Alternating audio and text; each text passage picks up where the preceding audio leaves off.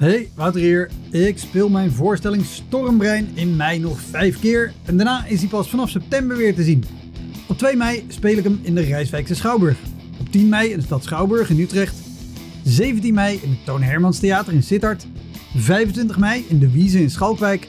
En 29 mei in het Stadstheater in Zoetermeer. Eind mei maak ik mijn nieuwe speellijst bekend, inclusief een te gekke show in de zomer. Meld je via elektropodcast.nl of woutermonde.nl aan voor mijn nieuwsbrief. Dan weet je als eerste waar en wanneer ik te zien ben. Sowieso is dat handig, want dan krijg je elke maand één mail met erin een overzicht van alle podcastgasten, de columns die ik die maand heb gedaan en alle shows die er in de maand erop gaan komen.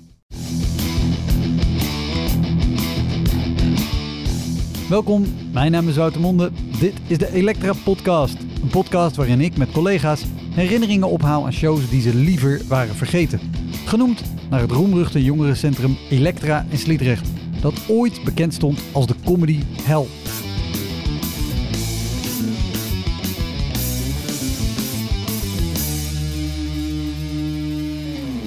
Dit keer is mijn gast Anne Neutenboom, cabaretier. Dat was echt hel. Dat de presentatrice kwam al de coulissen inloop van... Oh, nee, nee, nee, nee, nee, jongens. Nee, jongens, is, is- nee, nee, dit, dit wordt verschrikkelijk. En, maar dat is zo vreemd, want dan alle mensen, alle artiesten in de coulissen ook zo... Oh, nee, kunnen we nog naar huis? Dat is natuurlijk ook niet de juiste energie om een avond mee in te gaan. Iedereen al meteen het lood in de schoenen. In 2015 won Anne de jury- en publieksprijs van het Kamerettenfestival. En in 2019 werd ze genomineerd voor de Nederlands Hoopprijs. Ze toert met avondvullende voorstellingen door het hele land. Voor de crewmembers staat er een bonusaflevering klaar, waarin we verder praten en Anne nog een goed verhaal vertelt. Ook crewmember worden? Kijk dan even op elektrapodcast.nl. Heel veel plezier. Dit is de Elektra Podcast met Anne Neutenboom.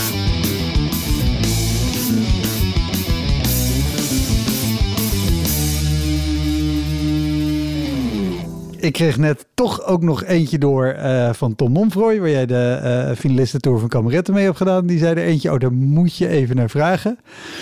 Ik ben heel nieuwsgierig nu wat hij heeft gezegd. En een beetje ongerust. Zullen we met die gewoon beginnen? Doe maar. Oké, ik zal oplezen wat hij, wat hij letterlijk stuurde. Want af en toe als ik met, met iemand op ga nemen, dan check ik van tevoren met mensen waarvan ik weet dat ze er veel mee hebben gespeeld. Met joh, weet jij nog verhalen waar ik zeker weten naar moet vragen? En hij appte net nog het postkantoor boven Karspel. Kwam haar familie kijken, Pas, pas, pas. die ze nog nooit had gezien had. Ja. ja. Moeten we het daarover hebben? Het, het hoeft niet, jij, jij mag het bepalen.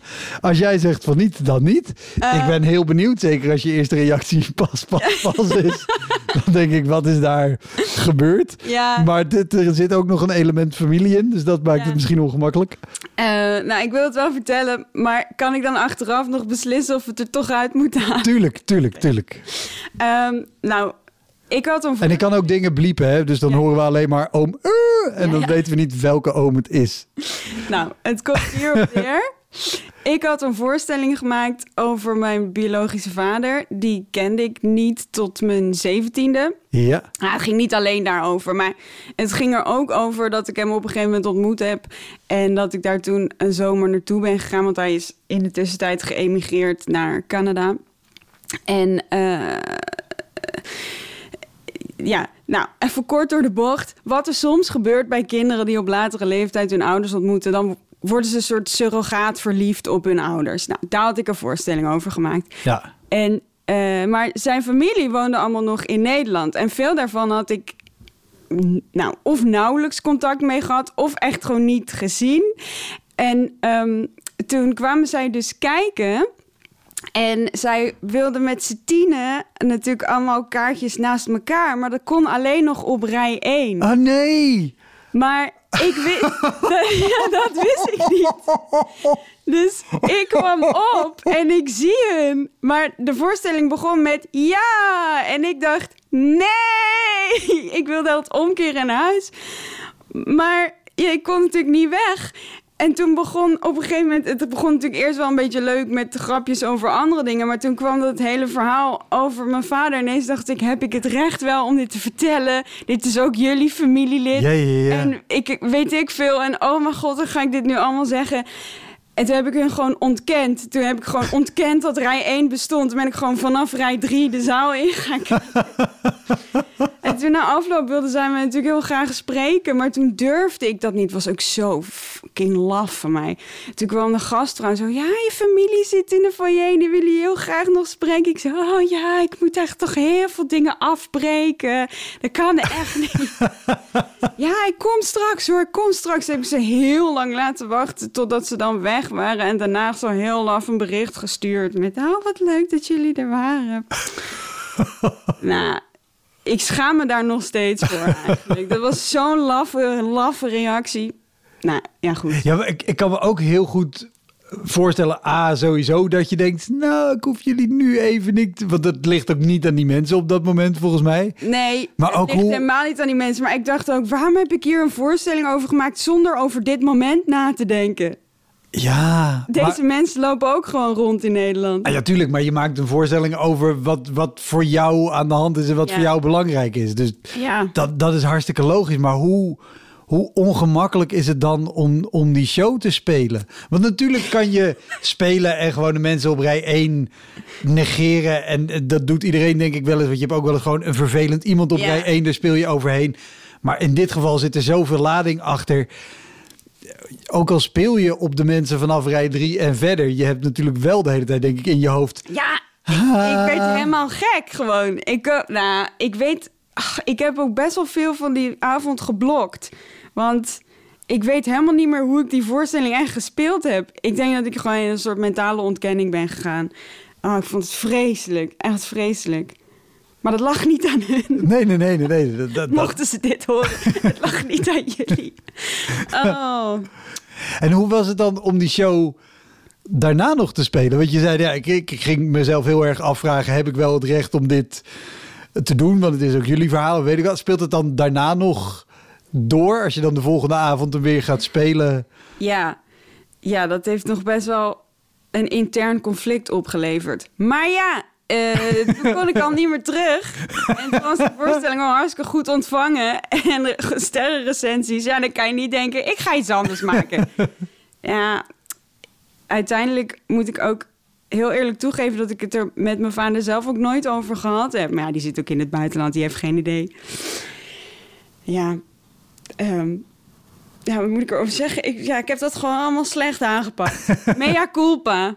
Nou ja, je hebt, je hebt slecht aangepakt of gewoon niet over nagedacht. Nee, niet over dat, nagedacht. dat kan ook. Ik, bedoel, ik had in, in mijn vorige voorstelling zat ook een ding...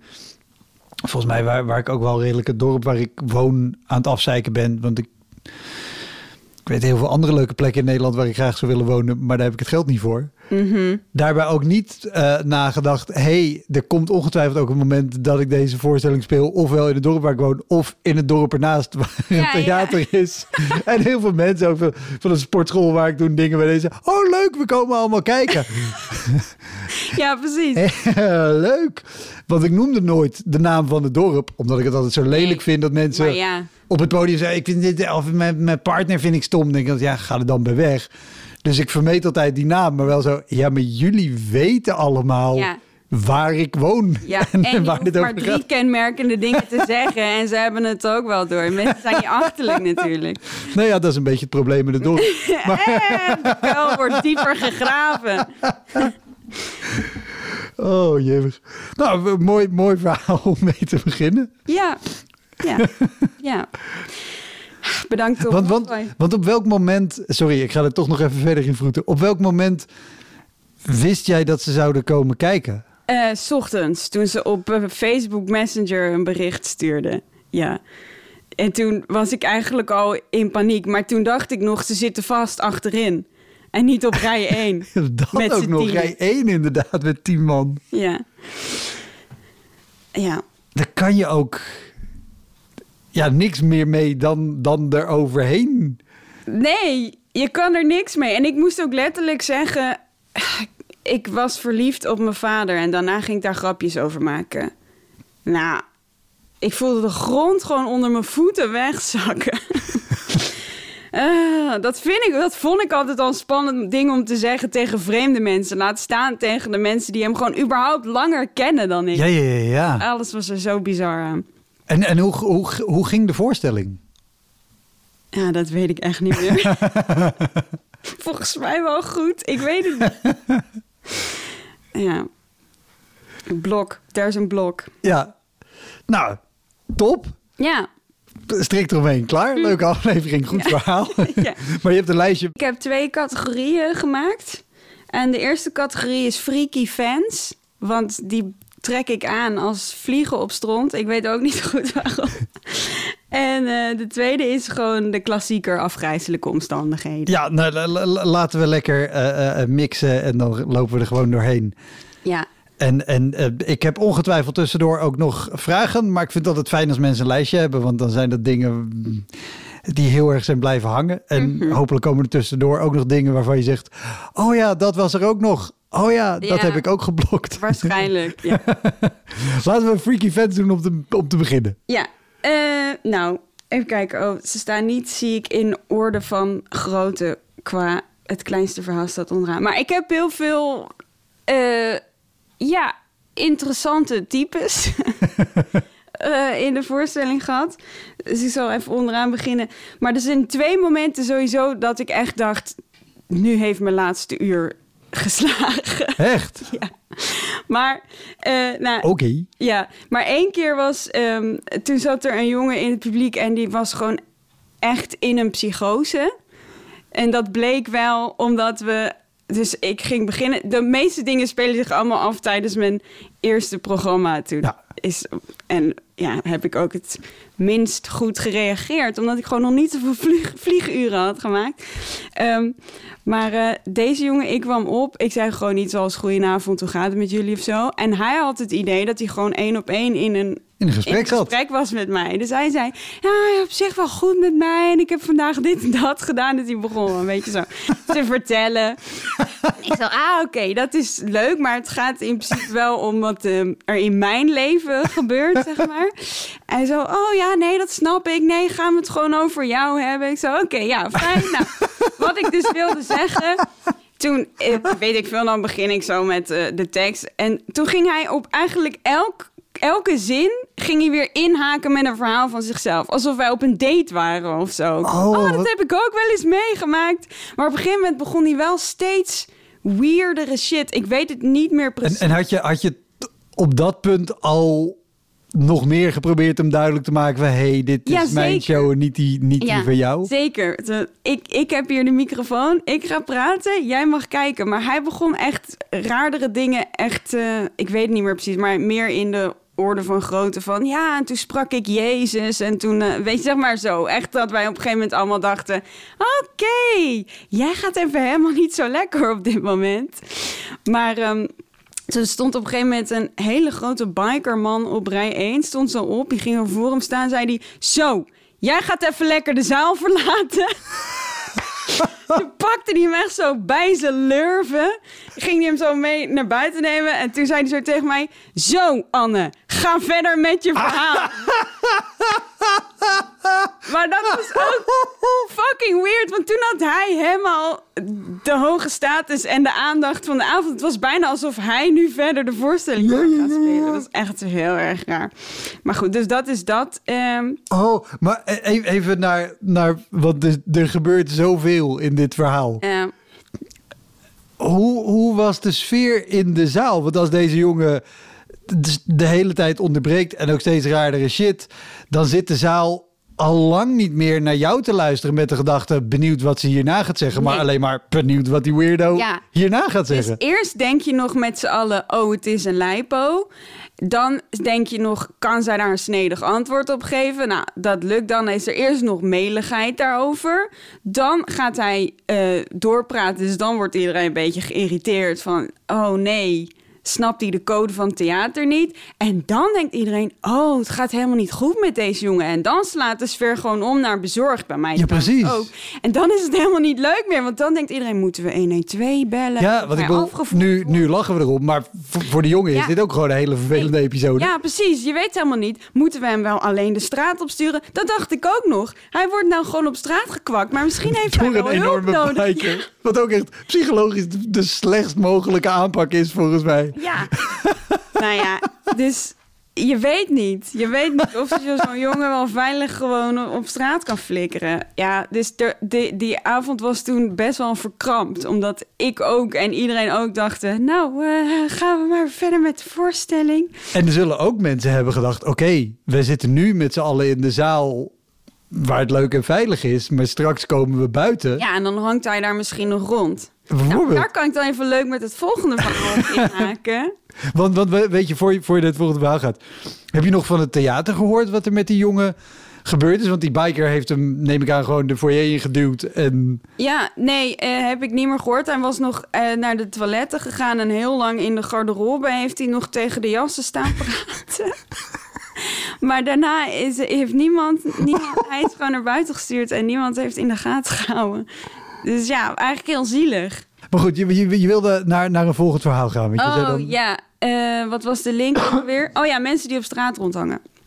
Want een andere keer eh, had ik ergens gespeeld en dat was eh, heel leuk. Dus als het dan echt leuk is, dan wil ik nog wel eens gewoon lang gaan naborrelen in de foyer. Ja, En heel veel mensen kwamen al met mij praten, maar op een gegeven moment ehm, kwam er een gast. Ja, het lijkt nou alsof ik dit heel erg zit te overdrijven, maar dat was echt niet. Die man was echt twee meter lang en die had dwars over zijn gezicht een litteken, waardoor de twee helften zo scheef op elkaar zaten. Ik zweer het. En hij was helemaal lijkbleek. Was echt best wel een freaky dude. En die kwam zo op me aflopen. Maar er waren op zich nog heel veel andere mensen. ik denk nu wel, als je dit had verteld met die jongen van net in de zaal, dan had die jongen gezegd, dat is Hans, die ken ik. Ja, precies. die zie ik heel vaak. Ja, Eh, die zit bij mij op de afdeling. Ehm, dus, maar ik stond best wel in een hoek van de foyer. Dus hij dreef mij zo nog wat verder die hoek in. En, en gewoon even eh, voor het beeld van mensen die luisteren. Jij bent eind 20 nu, gok ik? Ik ben 33, maar dankjewel. 33. eh, maar maar goed, eh, jonge vrouw, je bent Toen één... was ik wel jonger natuurlijk. Dat is misschien alweer vijf jaar... Nee, nou, weet ik veel wanneer het was. We houden het op eind 20. Ja. Eh, jij bent 1,70. Ja, precies 1,70. Precies 1,70. Eh, je hebt gewoon een, een normaal postuur. Dit even tegenovergezet. Een man van twee meter met een scheef gezicht. Precies. Ja. Nee, gewoon even voor het plaatje. Ik, wil, ik weet hoe je eruit ziet, maar dat mensen ook een beeld hebben. Ja, nee, heel goed. Ehm, dus ik stond best wel in de hoek gedrukt. En hij kwam zo op me af. Ik keek me zo strak aan. Zo, Bent u Annie Neutenboom? ik zo, eh, ja.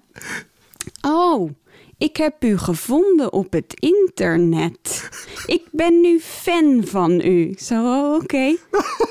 Kunt u achterstevoren praten? Zo, nee. Ik wel. Toen ging hij achterstevoren praten. Dat kan ik nu niet nadoen, want ik ben fysiek niet in staat om achterstevoren te praten. Toen, ja, dit duurde best wel lang. Ik zat al een beetje om me heen te kijken van... tyfus, tyfus, ziet iemand dat dit gebeurt? Want ik wil gered worden, maar er was niemand.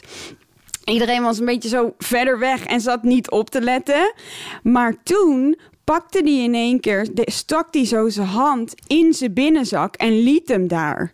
Toen schrok ik, want ik dacht, wat heb jij in Wat je binnenzak? Ja.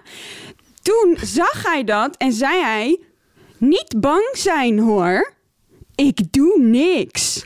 nou, toen was ik natuurlijk fucking bang. Natuurlijk. Want hij ging zeker wel iets doen. En eh, achteraf denk ik dat hij misschien door zijn begeleiding of zo geleerd heeft van mensen kunnen van jou schrikken. Dus je moet dan zeggen dat je niks gaat doen. Dan kan je ze geruststellen. Nou, dus hij stond daar met die hand zo in zijn binnenzak. Ik was, duurde, voor mijn gevoel duurde het eindeloos. Maar het zal wel kort geweest zijn. Ik dacht, hij, hij gaat een mes pakken. Dit Ja. is het. Hij gaat me neersteken. Dit is hoe ik ga. Ik word neergesteken weggestoken in de hoek van de foyer. En dan moeten mensen me heel snel naar, de- naar de, naar de, naar de eh, eerste hulp brengen. En dan bloed ik dood in de ambulance. Dit is het. Nou, uiteindelijk, na een moment wat eeuwig leek te duren... en hij maar bleef zeggen, je hoeft niet bang te zijn hoor... pakte hij uiteindelijk een super dik pak van mijn flyers... wat hij buiten eh, van de muur had gepakt. Hij had gewoon al mijn flyers uit dat rekje gepakt. Ja. En toen wilde hij dat ik alle flyers zou signeren. maar ik zei, nou, ik doe er wel gewoon eentje. Is dat goed? En toen ging ik dat zo signeren. Toen hij zo, nog één.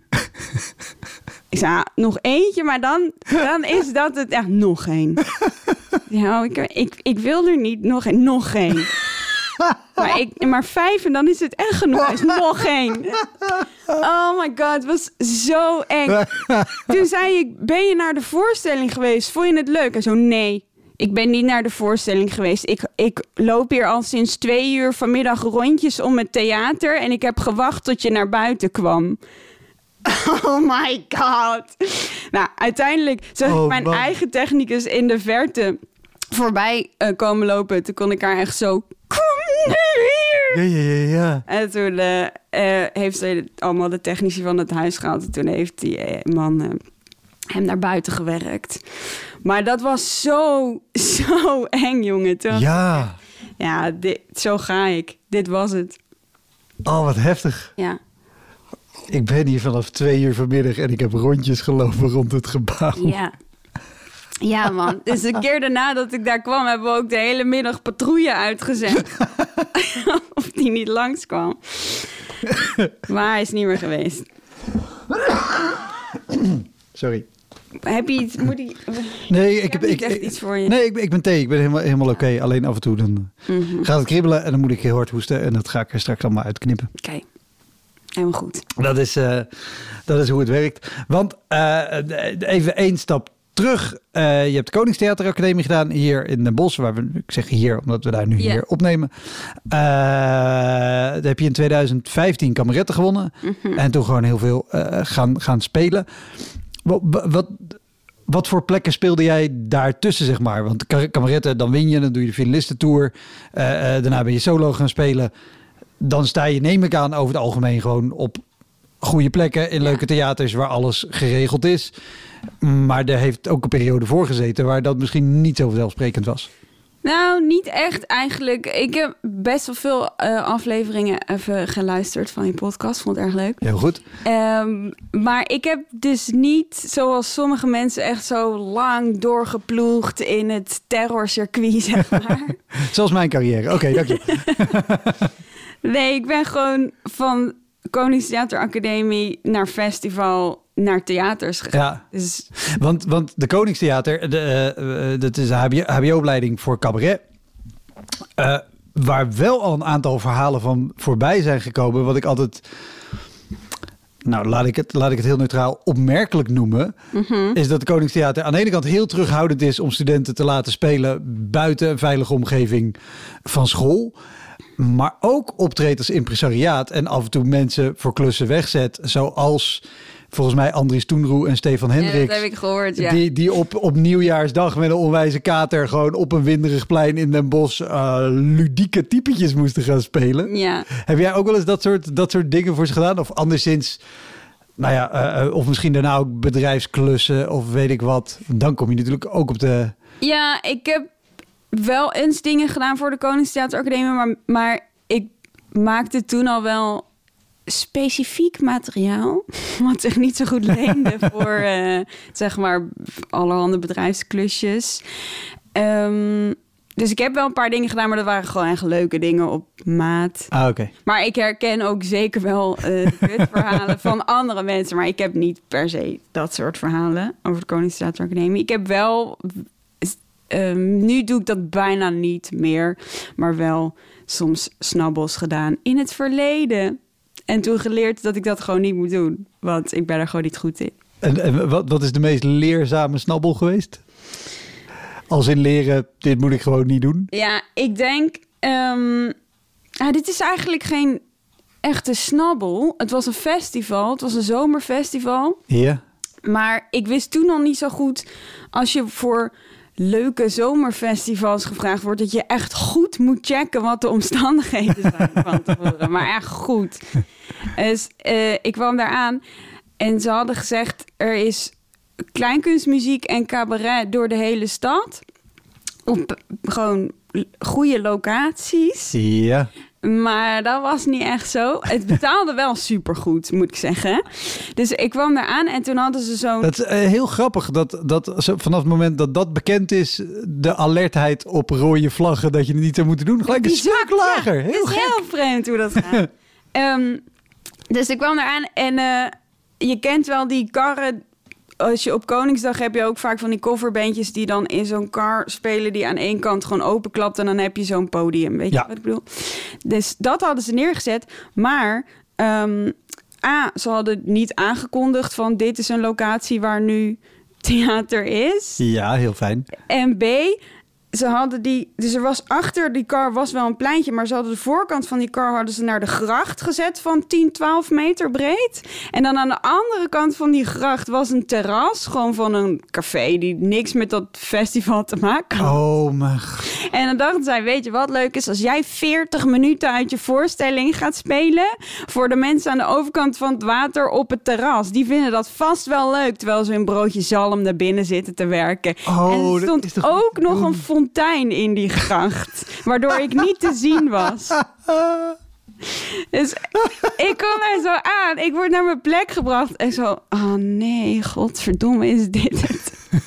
ik zo, oké, ja, eh, ik heb eigenlijk helemaal eh, een decor meegenomen. En, eh, maar dat ga ik nou allemaal niet neerzetten hoor.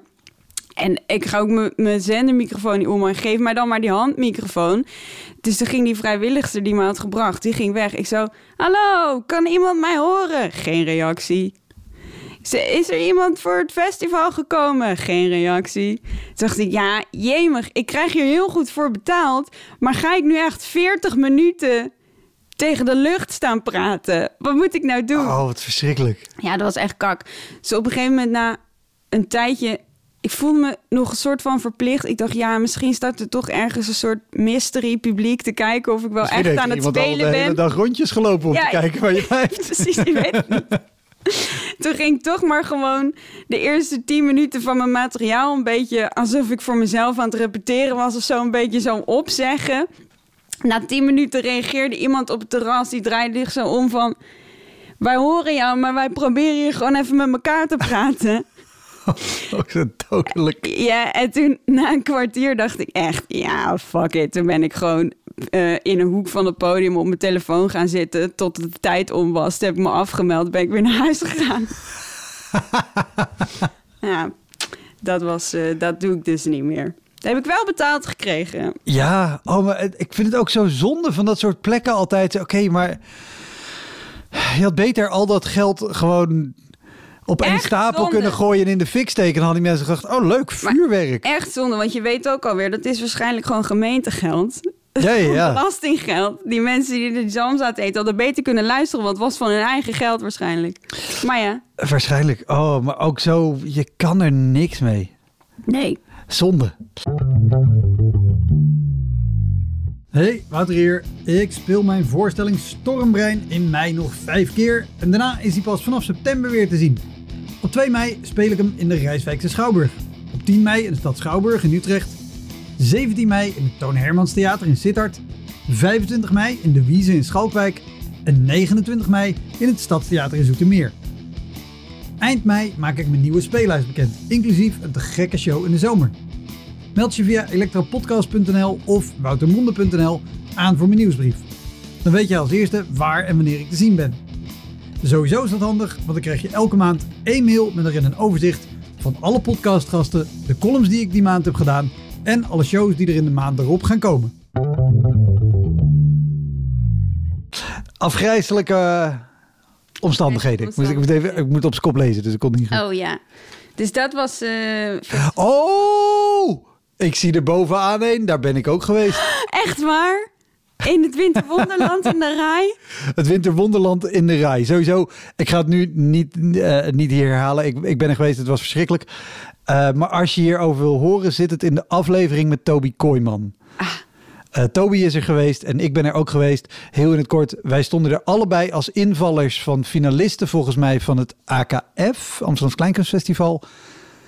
Die hadden zich afgemeld voor de laatste paar voorstellingen omdat ze het wegens gezondheidsredenen. Ja, omdat niet- het te kut was waarschijnlijk. Oh, sorry. Nou, dat was, dat was exact wat er aan de hand was. Dankjewel. Dat was exact wat er aan de hand was. Ja. Maar vertel, wat is jouw ervaring? En eh, beschrijf ook even, mocht je dat nog niet van plan zijn, wat het winterwonderland in de Rai is. Ja, nou. Het kans dat ik een aantal mensen een beetje boos ga maken, maar het is niet persoonlijk. Maar, ehm, nou, dus Winterwonderland is, ja, wat is het eigenlijk? Het is eigenlijk een soort eet slash Nederlandstalige muziekbeurs slash eh, indoor skiing voor kinderen-achtige. Exact dat is het. Het is in de Rai in Amsterdam, de, de congreslocatie. Het Ja. is een soort braderie. Maar ze hebben ook optredens van, van Jesser en van dat soort eh, dingen. En dan hebben ze inderdaad een indoor ijsbaantje. En buiten was er, in ieder geval toen ik was, ook nog een soort kermis. Ja, inderdaad. Er was ook kermis. en, Kortom, alles wat je wil. eh, kortom, de plek waar de culturele elite zich begeeft in Nederland. Pardon. En ehm, daar Ik hou met moeite een slok thee binnen. Ja. zit, zit verder geen oordeel in, in, in die opmerking.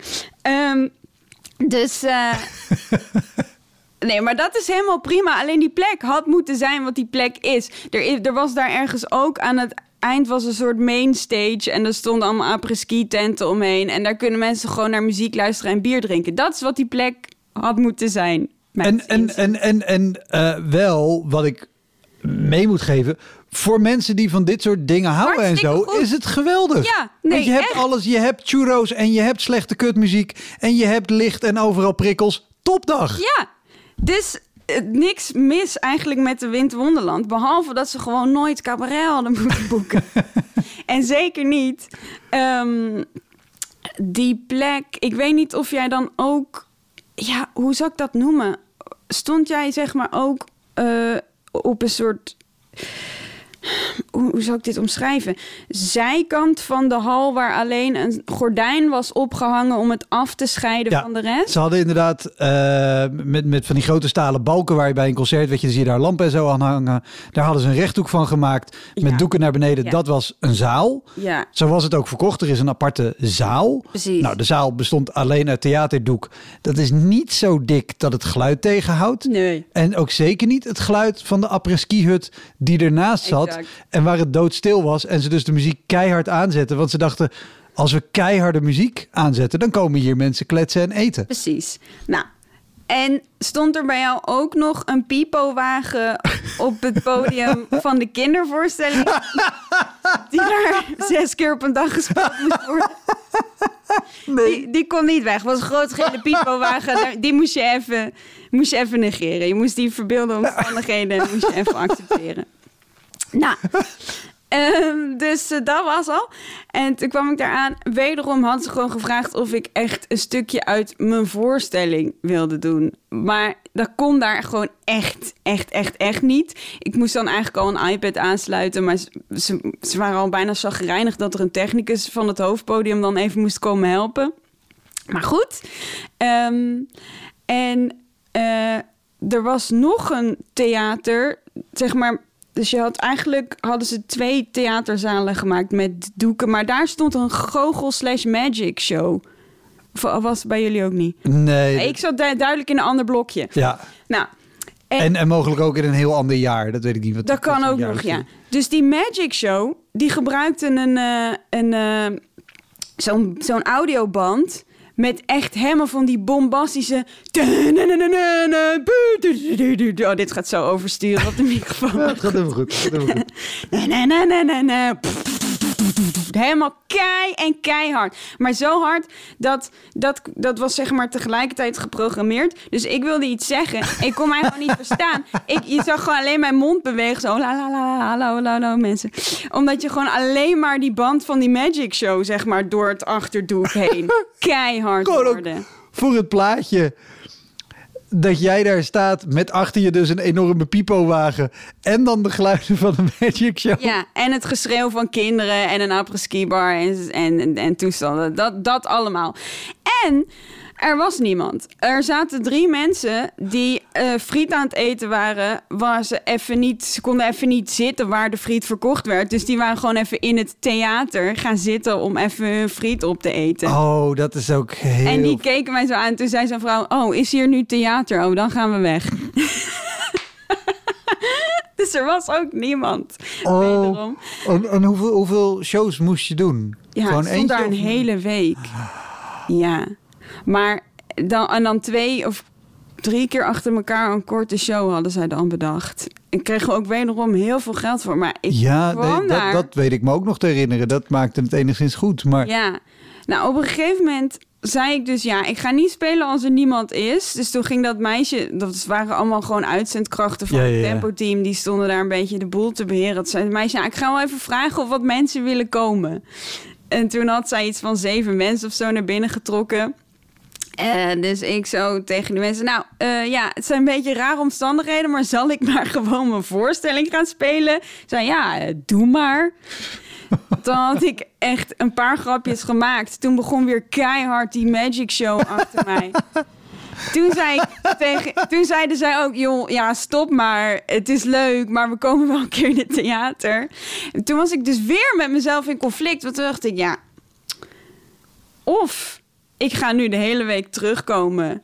De hele week dit een beetje doen en proberen het niet naar binnen te laten slaan. Maar dat gebeurt natuurlijk wel. Ja. Ergens halverwege de week haat je jezelf en is al je zelfrespect afgebrokkeld tot nul. Of ik zeg nu gewoon: laat het geld maar zitten, ik kom niet meer. heb ik nog best wel even drie bier in de après-ski bar over gedaan. En toen heb ik toch gezegd: laat het geld maar zitten, ik kom niet meer. Toen ben ik de rest van de week niet meer gegaan. Ik snap het helemaal. En ik heb er. Uh, ik, ik moest toen twee shows doen, volgens mij. En daarvan ging er ook maar één door. Ah ja. Of zo, want ze hadden het verkeerd gepland, weet ik wat. Maar die ene was ook echt meer dan genoeg. Maar kan je uitleggen voor, voor iemand die, die zelf niet speelt? Ik kan me voorstellen dat iemand dit hoort en denkt: ja, oké, het is verschrikkelijk. Maar je krijgt goed betaald en je doet het een aantal keer. Dus waarom je dan toch liever kiest om te zeggen: nee, joh, ik doe het niet. En dan dat geld maar niet. In plaats van gewoon tien keer een openbare repetitie te doen, zeg maar. Hoe, eh. waarom, waarom slaat het toch naar binnen? Ja, nou, ik denk. Dit is een beetje psychologie van de koude grond om het in zijn algemeenheid te zeggen. Maar voor mij geldt dit zeker wel. Ik denk in principe mensen die grapjes maken zijn in de kern onzekere mensen. Denk je? Die hebben echt best wel dikke vette bevestiging nodig. Absoluut. Dus als je dan uh, hè, van. En meestal hebben ze ook heel veel issues, ik wel. en als je dan van je zwakte je kracht kan maken en je kan voor een zaal, volle zaal, goede omstandigheden, leuke mensen die jou om jouw grapjes lachen, die geven jou dan de bevestiging die je nodig hebt om het leven door te kunnen komen. Maar als dat er niet is, als je voor zeven friet etende mensen staat die zeggen: Ja, je kan het doen, je kan het ook niet doen, het zal mij echt aan mijn reet roesten. Dan denk je echt: Ik ben nog minder dan de daklozen in de goot op dit moment. Ja, dit is heel veel disrespect naar daklozen in de goot. Ik zou ook best op een dag, denk ik, als daklozen in de goot kunnen eindigen. Maar hoe Laten we zeggen, de uitzendkracht die de friet staat te bakken ja, die mensen aten. Dan is al je eigenwaarde en al je alles is gewoon weg. Dan denk je alleen maar, waarom doe ik dit in godsnaam? Dit heeft niets meer te maken met de reden dat ik dit nodig had in mijn leven. Ja. Dit is alleen maar zelfkastijding. Ja, precies. Nou ja, ik, ik, ik haalde degene, de, de uitzendkracht die de friet staat te bakken. Maar dat is een... Dat kan je namelijk prima doen met gewoon, oké, verstand op nul. Ik heb een studieschuld af te betalen. Oké, ik sta hier vijf dagen friet te bakken en dan, dan ben ik weg en ga ik verder met mijn leven. Dat, eh, dat is mijn hele, dat is gewoon van 17 tot en met 28 mijn leven. ja. En uh, daar dacht ik wel ook aan. En, en dan, dan gaan we misschien weer naar een freak event toe. Uh, de, de, de voorstelling, of in ieder geval het stuk wat jij speelde met kameretten. En volgens mij ook de voorstelling die daarop volgde. ging heel erg over, over boomers en zo. Toch? Ja, dat is een beetje, denk ik, een misvatting. het ging vooral over millennials, eigenlijk meer dan boomers. Eh, nou, het ging... Oké, wacht, in een notendop. Waar ging het over?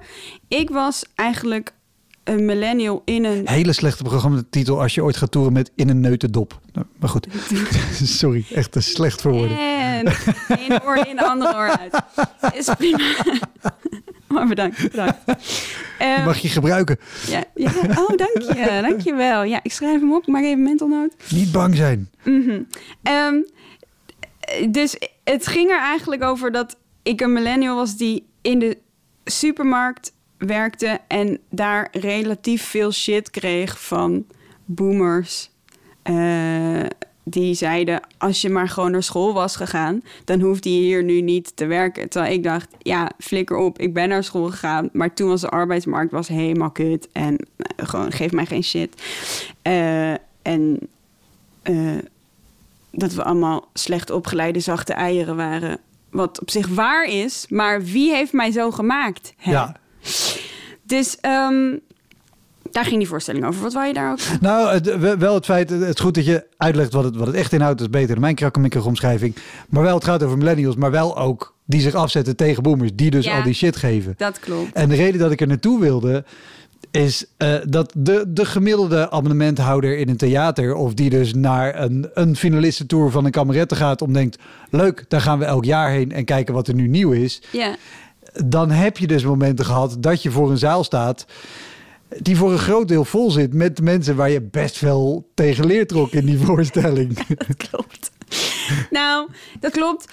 Maar eh, over het algemeen ging het op zich wel goed. Want ik wist natuurlijk, ik moet daar rekening mee houden. Dus dan 9 van de 10 keer zeiden mensen achteraf gewoon... Ik snap, nu eigenlijk, ik, ik snap nu eindelijk mijn eigen kinderen beter. Of ik voelde me aangesproken, maar ik vond het toch heel leuk. Of ik heb er iets van geleerd, et cetera. Dus gewoon de reactie die je wil. ja, maar de tiende keer. Ja, ging dat inderdaad niet zo goed. Nee, dat klopt. Ehm, ja, ik heb nu een aantal associaties, maar misschien zijn ze een beetje ver gezocht. Ja, we hadden natuurlijk ook nog die keer dat er aangifte is gedaan, maar dat ging niet zozeer om het boomerbasje. dat ging om de tamponscène. Maar ik weet niet of je dat verhaal kent. Ik ken het verhaal niet. Nou, ehm, toen ik dus Is het op dit moment al nodig om nu uit te leggen wat de tamponscène is? Of komt dat later in het verhaal? Nee, dat Want ik ken hem. Ah, Oké, dan, dan komt hij. Oké. Ja, dus ik deed. eh, het was nog gewoon eh, in eh kameretten, in het festival zelf. Heb je die trouwens die tamponscène gedaan bij het Winterwonderland Festival? Absoluut. Met op de achtergrond papa. Kijk wat ik tevoorschijn te over. Dat had ik moeten doen. Dat was geweldig geweest. Dan was het misschien een groot succes geworden. Eh, Oké, aangifte. ja, Begin bij het begin. eh, ja, dus eh, het was volgens mij de auditieronde in Zuidplein. Ja, ik weet wel zeker. En daar zat iemand echt al van dik in de tachtig. Maar wat ik deed is eh, gewoon, gewoon in een soort harde schakel. Gewoon een scène die eigenlijk een beetje als kut op Dirk sloeg. Maar ik vond dat gewoon heel grappig. Dan deed ik ineens alsof ik erachter kwam dat ik doorgelekt was. En dan ging ik in een hoekje van het podium een tampon in doen. In principe zag je niet zoveel. Maar ehm, deze man claimde dat hij mijn eh, Venusheuvel had gezien. Oeh. Ja, super heftig. En toen kwam er dus achteraf kwam er een eh, ingescande, getypte brief op een typemachine binnen bij eh, de klachtenlijn van het Theater Zuidplein. Dus ik, ik stel me daar dan ook helemaal bij voor dat hij zo kwaad was. Dat hij dus eerst de brief ging typen, dat er geen postbus was om er naartoe te sturen. Dat hij toen heel boos een van zijn kleinkinderen moest opbellen. Deze tijd! Ik kan ook nergens mijn brieven meer naartoe sturen. Ja, rustig maar, opa. Wij scannen het wel voor je in. Nou, anyway. ehm, die man, die claimde dus dat dat eh, eh, onzedelijk gedrag in een openbare ruimte was. En eh, Ja. ja, dat mag niet. Dus toen ging hij helemaal uiteenzetten waarom dat, nou ja, oh, hoe zeg je dat? Ongehoord was.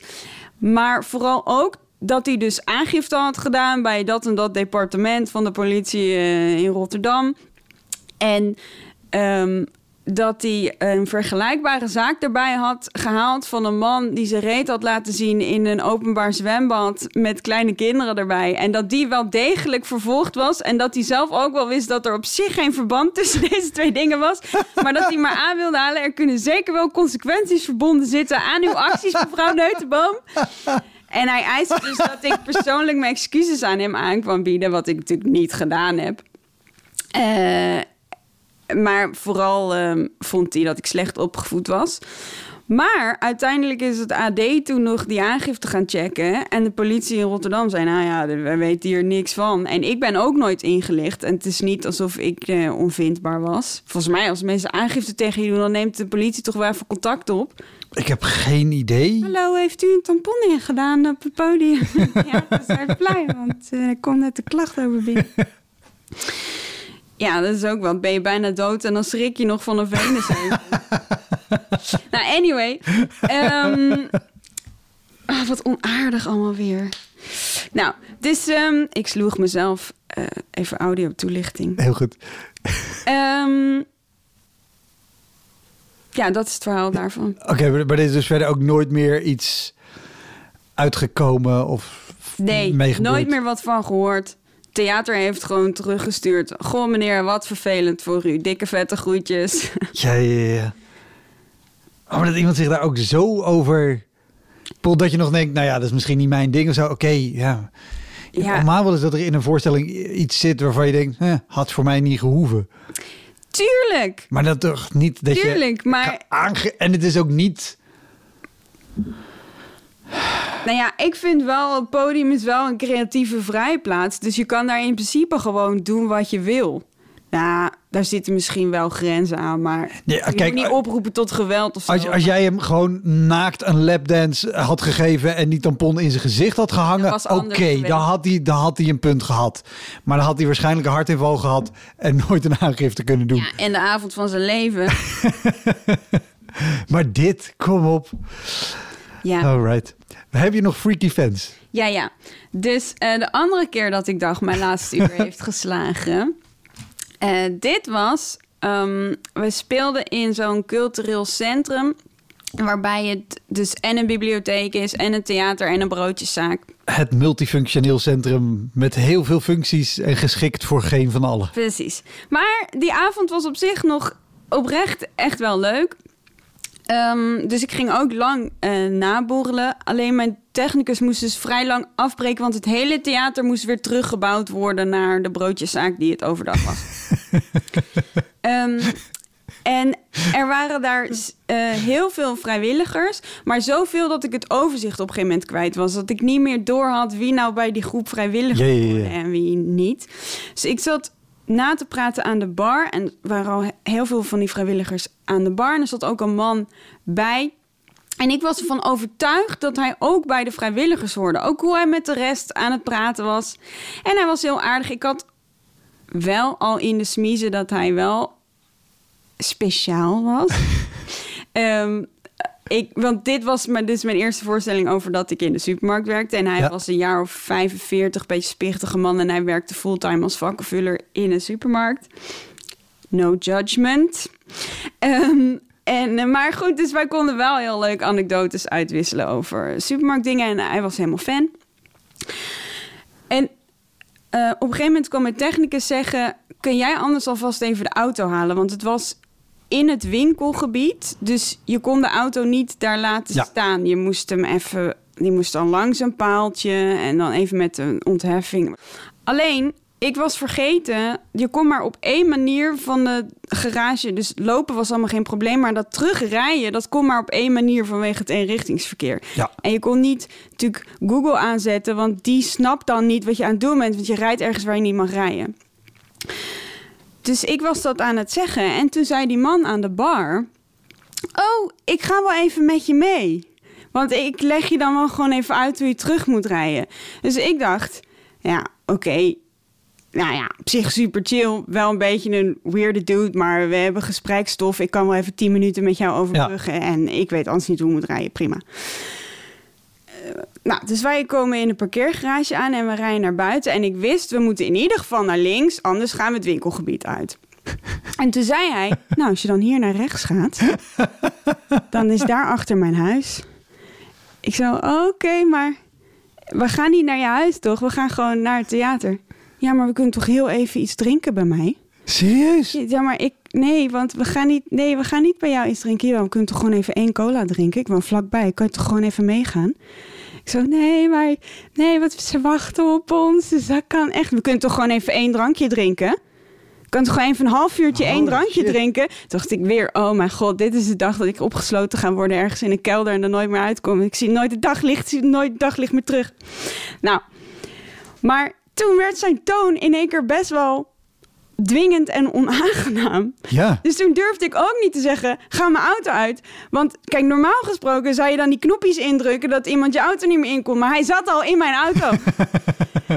en ik dacht, ja, als ik nu zeg dat hij de auto uit moet... dan wordt hij misschien boos. En dan, hij is sowieso sterker dan ik. Ik heb dus überhaupt kippenkracht. En dit is gewoon een man van 45 die kan mij hebben.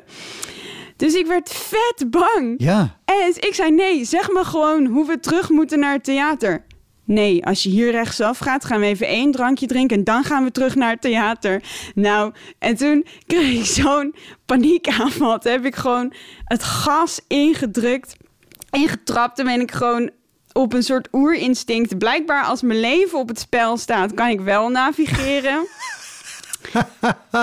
ben ik teruggereden zelf tot aan dat paaltje. Toen heb, ben ik daar echt gewoon de auto uitgesprint. Zo gillend. Hij zat nog in die auto. Hij bleef er ook best nog wel lang in zitten trouwens. En zo, haal die man uit mijn auto. Jezus, wat heftig. Ja. Toen kwam de technicus ook echt zo, ben je met hem meegegaan? Jezus, idioot. nou, ik had het weer zo allemaal niet door. Eh, dus dat is de andere keer dat ik dacht dat ik eh, bijna dood was. En, en, en heeft jouw technicus die man uit de auto gehaald? Of hoe, hoe is Mijn dit? technicus was toen een meisje van nog vijf jaar jonger dan ik en 1,60 meter. Dus nee, Ik- iemand van het ik- ik- theater. Ik, ben, ik ben heel open. Een meisje van vijf jaar jonger kan dat ook prima. Ja, maar nee, iemand van de echte vrijwilligers heeft toen ehm, hem uit de auto gehaald. Oh, jezus. Ja. Wauw. Hoeveel mensen heb je al gehad die bijna twee keer dood gegaan zijn door fans? Nou, dat is niet waar, ik overdrijf. Ehm, ik kan het me niet herinneren met op dit moment denk ik 130 opgenomen gesprekken. Mm. Nee. Oh wel. Nee, eh, eh, een soort van dreigende ambush in Nigeria. Oh my god. Eh, ja, dat wel. Maar dat was met allemaal gewapende bodyguards en we moeten hier de weg af. Volgens mij de aflevering met Peter Pannenkoek.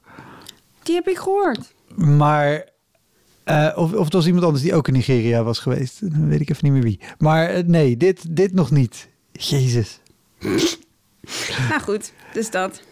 Eh, gaan, we, gaan we een hele andere kant op. Want dat, dat klinkt een stuk onschuldiger. Ik zie CKV Inception staan. Oh, ja, ja, ja. Ja. Dus ehm, wat er ook was gebeurd met mijn eerste voorstelling... omdat het zo over millennials ging... dachten ook heel veel programmeurs en eh, ja, boekers voor, zeg maar... schoolprogramma's en zo van... oh, dat sluit goed aan. Dat is leuk. Dan gaan we lekker CKV'ers naar jouw voorstelling sturen. Ja, CKV'ers kunstzinnige en culturele vorming. Het vak op school waarbij dus pubers tussen de 14 en de 18 verplicht theatervoorstellingen moeten Precies. gaan bezoeken. Ja. Maar... nou, kijk... Het ding Hoorde je hoe ik heel goed gewoon Ja, ja. neutraal bezoeken Ja, zei? zeker. Bezoeken, inderdaad. Ja.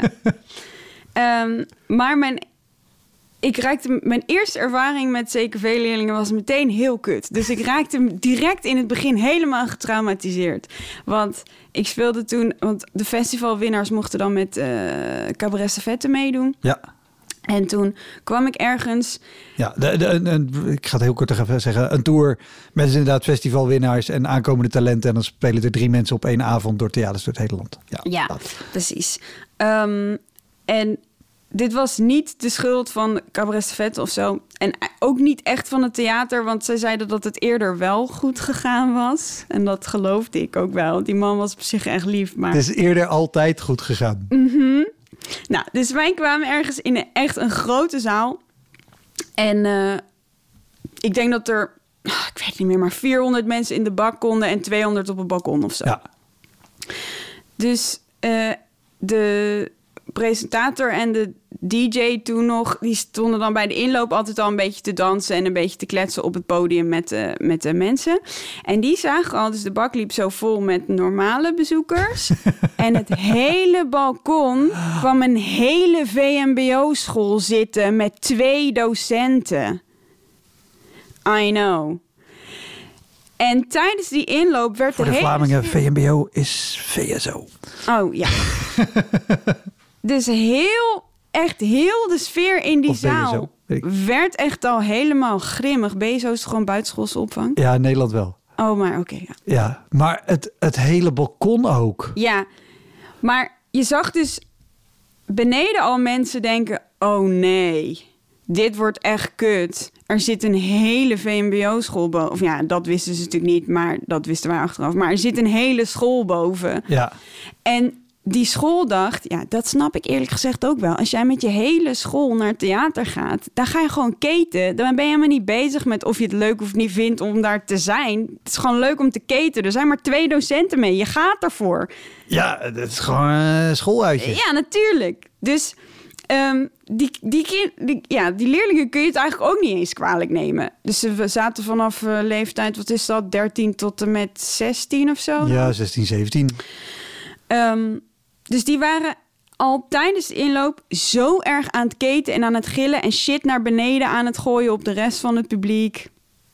Dat was echt hel. Dat de presentatrice kwam al de coulissen inloop van... oh, nee, nee, nee, nee, nee, jongens. Nee, jongens, het is, het is- nee, nee, dit, dit wordt verschrikkelijk. En, maar dat is zo vreemd, want dan alle mensen, alle artiesten in de coulissen ook zo... oh nee, kunnen we nog naar huis? Dat is natuurlijk ook niet de juiste energie om een avond mee in te gaan. Iedereen al meteen het lood in de schoenen. Maar zij waren zo kut. Ze gingen gewoon echt, echt pesten. Dus ze gingen dan eh, iets roepen, iets vernederends, ik weet niet meer wat. Maar een, ze gingen echt hekkelen, zeg Ja. maar, echt vervelend. En als je er dan op in probeerde te gaan, dan gingen ze daarna zo allemaal naar beneden duiken, zodat je dan niet met ze kon praten. Ja, En ja, dan weer helemaal smiespelen en dan weer lachen. Oh, daar kan je. Dat vind ik ook altijd zo frustrerend. Als mensen iets roepen of doen, we- prima. Maar dan, dan moet je er ook man. achter staan Ja. en, er, en er vol voor gaan. Niet iets doen en dan zeggen: nee, dat was ik niet. Eh, Nee, oh, precies. Dus ze deden het allerergst denkbaar. En zij hadden gewoon alle macht in die zaal. Ze hadden echt alle macht. Wij stonden daar een beetje als aapjes zo kapot te gaan. En dit was mijn eerste ervaring, mijn eerste echte ervaring met CKV-leerlingen. Dus toen was ik gewoon helemaal getraumatiseerd. En, en e- e- even voor je verder gaat, want gewoon voor wat voor verschil het maakt. Want jij zei het balkon. Ik zei ook gelijk, oh nee, dan het balkon ook nog. Oh ja, want dan zitten ze inderdaad nog meer in hun eigen afgeschermde bubbel waar ze alles kunnen doen. Precies. Ja. Want als je, ze, nou ja, als je die wel op rij 2 en rij 3 hebt, kan je er veel directer op inspelen of wat mee doen. Maar ze zitten echt gewoon fysiek gewoon zo ver en afgezonderd als groep. Ja, nou, dus dat was echt helemaal terror. Maar goed, bij zo'n cabaret vette weet je ook gewoon... als je niet de afsluiter bent, nou, ik speel 20, 25 minuten... en dan is het weer voorbij en dan zit ik weer in de auto... en daarna lachen we met z'n allen om en prima. Ja. Als je alleen bent echter... dat is een heel ander verhaal. Ja, dus dit was mijn eerste voorstelling. Dus ik was en nog helemaal vlieguren aan het maken. En ik wist nog gewoon van heel veel dingen niet goed in de praktijk. Hoe je daar dan mee om moest gaan. Ik bedoel, op de Koningstheater Academie leer je niet... wat doe je met CKV-klassen in de zaal. Nee. Ehm, en ik was getraumatiseerd. Dus ik was gewoon... De eerste keer dat ik hoorde dat ze er zaten, was ik gewoon bang. Dus dat ging helemaal niet goed. Dus ik ging ook steeds verder dan naar tegen het achterdoek spelen. Ik, ik weet nog dat ik ergens stond en dat was best wel een ondiep podium. Op een gegeven moment voelde ik gewoon het achterdoek. Oh, echt? Ja, je kan niet ontkennen dat je in deze situatie bent. je kan niet verder weg dan dit. Ehm, Ja, maar dat ging ook een beetje in mijn eigen hoofd zitten. En dat kwam ook een beetje, want ik gewoon... Ik vond mijn eigen middelbare schooltijd ook gewoon echt niet leuk. Ik was ook niet cool op de middelbare school. Ik hoorde nergens bij. Ik werd niet per se gepest, maar meer gewoon genegeerd. Dat is misschien nog wel erg. Jij bestaat niet. Ja. Dus ja, dit was eigenlijk gewoon geen match. Zeker veel leerlingen en ik. En ik moest daar echt leren mee om te gaan. Dus of ze namen het over... Of ze waren wel gewoon braaf omdat ze in toon werden gehouden. Maar ik werd gewoon echt helemaal nerveus ervan en speelde dan gewoon heel slecht. Dus op een gegeven moment had ik bedacht: ja, je moet, je moet hier iets mee. Je moet dit leren. En toen had ik dat helemaal voorbereid. Had ik allemaal grappen bedacht. Dingen die ik dan kon zeggen als ze er zaten. En Ja. er even op in kon spelen. En de eerste volgende keer dat ze er weer waren, want ze zaten er echt vaak. Hè? Dus ik moest echt, ik moest gewoon, ik moest ermee dealen. Eh, toen zeiden ze een uur voor aanvang: de hele eerste drie rijen zijn zeker veel leerlingen. Ik was zo, oh nee. Gaan we weer. Maar ook gewoon de hele eerste drie rijen, echt veel. Maar goed, ik had nu een strijdplan. En eh, ik ging dat doen en het ging best wel goed. Ik had die leerlingen, die waren best wel met mij mee. Alleen, ik was er gewoon te met gestrekt been ingegaan als een Ja. soort juffie. Dus de rest van de zaal pikte dat helemaal niet. Die waren echt helemaal van, ja, maar dit is niet leuk. Dus toen kwam er ineens... En, en, en, en weet, weet je nog dingen die je, die je hebt gedaan, zeg maar, qua gestrekt been richting die leerlingen? Of dingen die je gezegd hebt? Eh, ik weet het niet meer precies, maar ik ging gewoon doen van... ik zal je eens even laten zien wie hier de baas is. Ja, ja, ja. En, eh, en het normale publiek dacht van... ja, doe jij maar even rustig. Eh, jij bent de, de helft jonger dan wij. En eh, doe maar even niet zo. En wij zitten er ook nog inderdaad.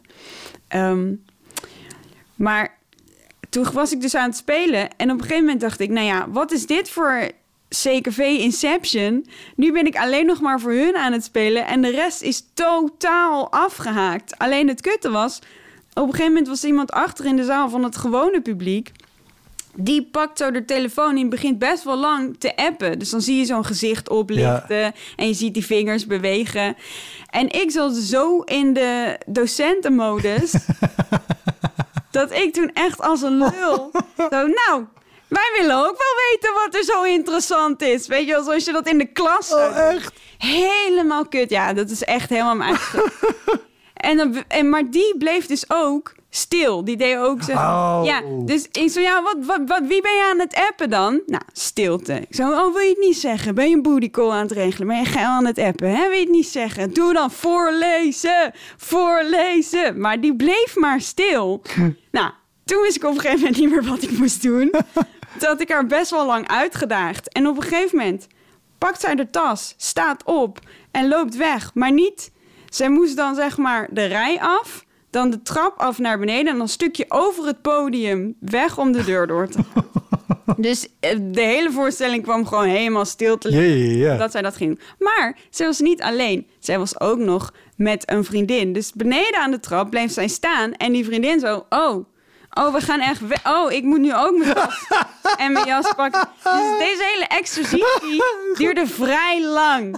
En dit had ik niet voorbereid. Dus ik stond gewoon, ja, misschien duurde het wel meer dan een minuut. Ik stond gewoon met mijn bek vol tanden. Want het was ook de eerste keer, want mind you, ik had nog niet zoveel ervaring, dat er iemand wegliep. Ja, ja, Dus ik dacht, oh mijn god, ze lopen echt weg. Nou, verschrikkelijk gewoon. Ik denk dat wel een minuut stil is geweest. Echt aan de grond genageld. En toen moest ik nog door, maar in die minuut is de sfeer in die zaal, die was helemaal Ja. dichtgeklapt. toen moest ik nog een kwartier die voorstelling uitspelen. En je, en je had al, om dat even terug te... Je had dus al de achterstand van eigenlijk veel te veel begonnen zijn. Ja. Dus dat is ook geen lekkere uitgangspositie Nee. Om als ze weg zijn... No- Normaal als zoiets gebeurt, dan wacht je tot je de deur dicht hoort vallen. Ja. Je maakt een lullige opmerking, want je hebt die minuten tijd om iets te bedenken. Ja. En iedereen wacht daar al op. Dus eigenlijk hoeft het nu niet eens heel goed te zijn wat je zegt. Het gaat waarschijnlijk toch wel werken. Ja. Maar die positie had je niet. Nee, die had ik helemaal niet. Dus eindelijk waren zij weg. De deur valt dicht. Ik zeg, nou, gezellig. Stilte. En toen, toen wist ik het gewoon echt niet meer. Toen stond ik even weer zo en zei ik, ah, dan ga ik maar gewoon verder. zo fucking pijnlijk. Heel zwakte bot ook. Jezus. Ja, fucking erg. Het heb ik gewoon in stilte het laatste kwartier uitgespeeld. Afgrijzelijk. Daarna heb ik gezegd, nooit meer zeker veel leerlingen in de zaal. Sorry, maar ik kan het gewoon niet. het naait mij helemaal op. Ik, ik word insane in de membrane. Dus ehm, dat. Ik snap het. Top. Mhm. Dankjewel. Graag gedaan. Dat was hem, de Elektra Podcast. Meer informatie over mijn gast van vandaag en linkjes naar van alles en nog wat vind je in de omschrijving van deze aflevering. Er staan ongelooflijk veel afleveringen online van Elektra. En op elektrapodcast.nl kan je makkelijk zoeken op de naam van jouw favoriete comedians en cabaretiers. Je kan daar ook eenmalig doneren of crewmember worden. Als crewmember betaal je maandelijks een klein bedrag, maar dan krijg je ook nog eens bonusmateriaal. Je luistert voortaan zonder onderbrekingen en je krijgt consumptiebonnen die je kan inleveren bij een show van mij. Ik vind het sowieso te gek als je een keer komt kijken bij mij. Dus ga naar woutermonde.nl, daar zie je precies waar en wanneer ik optreed. Of meld je aan voor de nieuwsbrief, dan hou ik je op die manier op de hoogte. En dan nog iets, elke vrijdagmorgen doe ik een column op radiostation Kink. Je kan die column terugluisteren als podcast. Hij heet Kink op de Week en je vindt hem in de app waar je ook deze podcast luistert. Oké, tot de volgende Elektra. Hoi!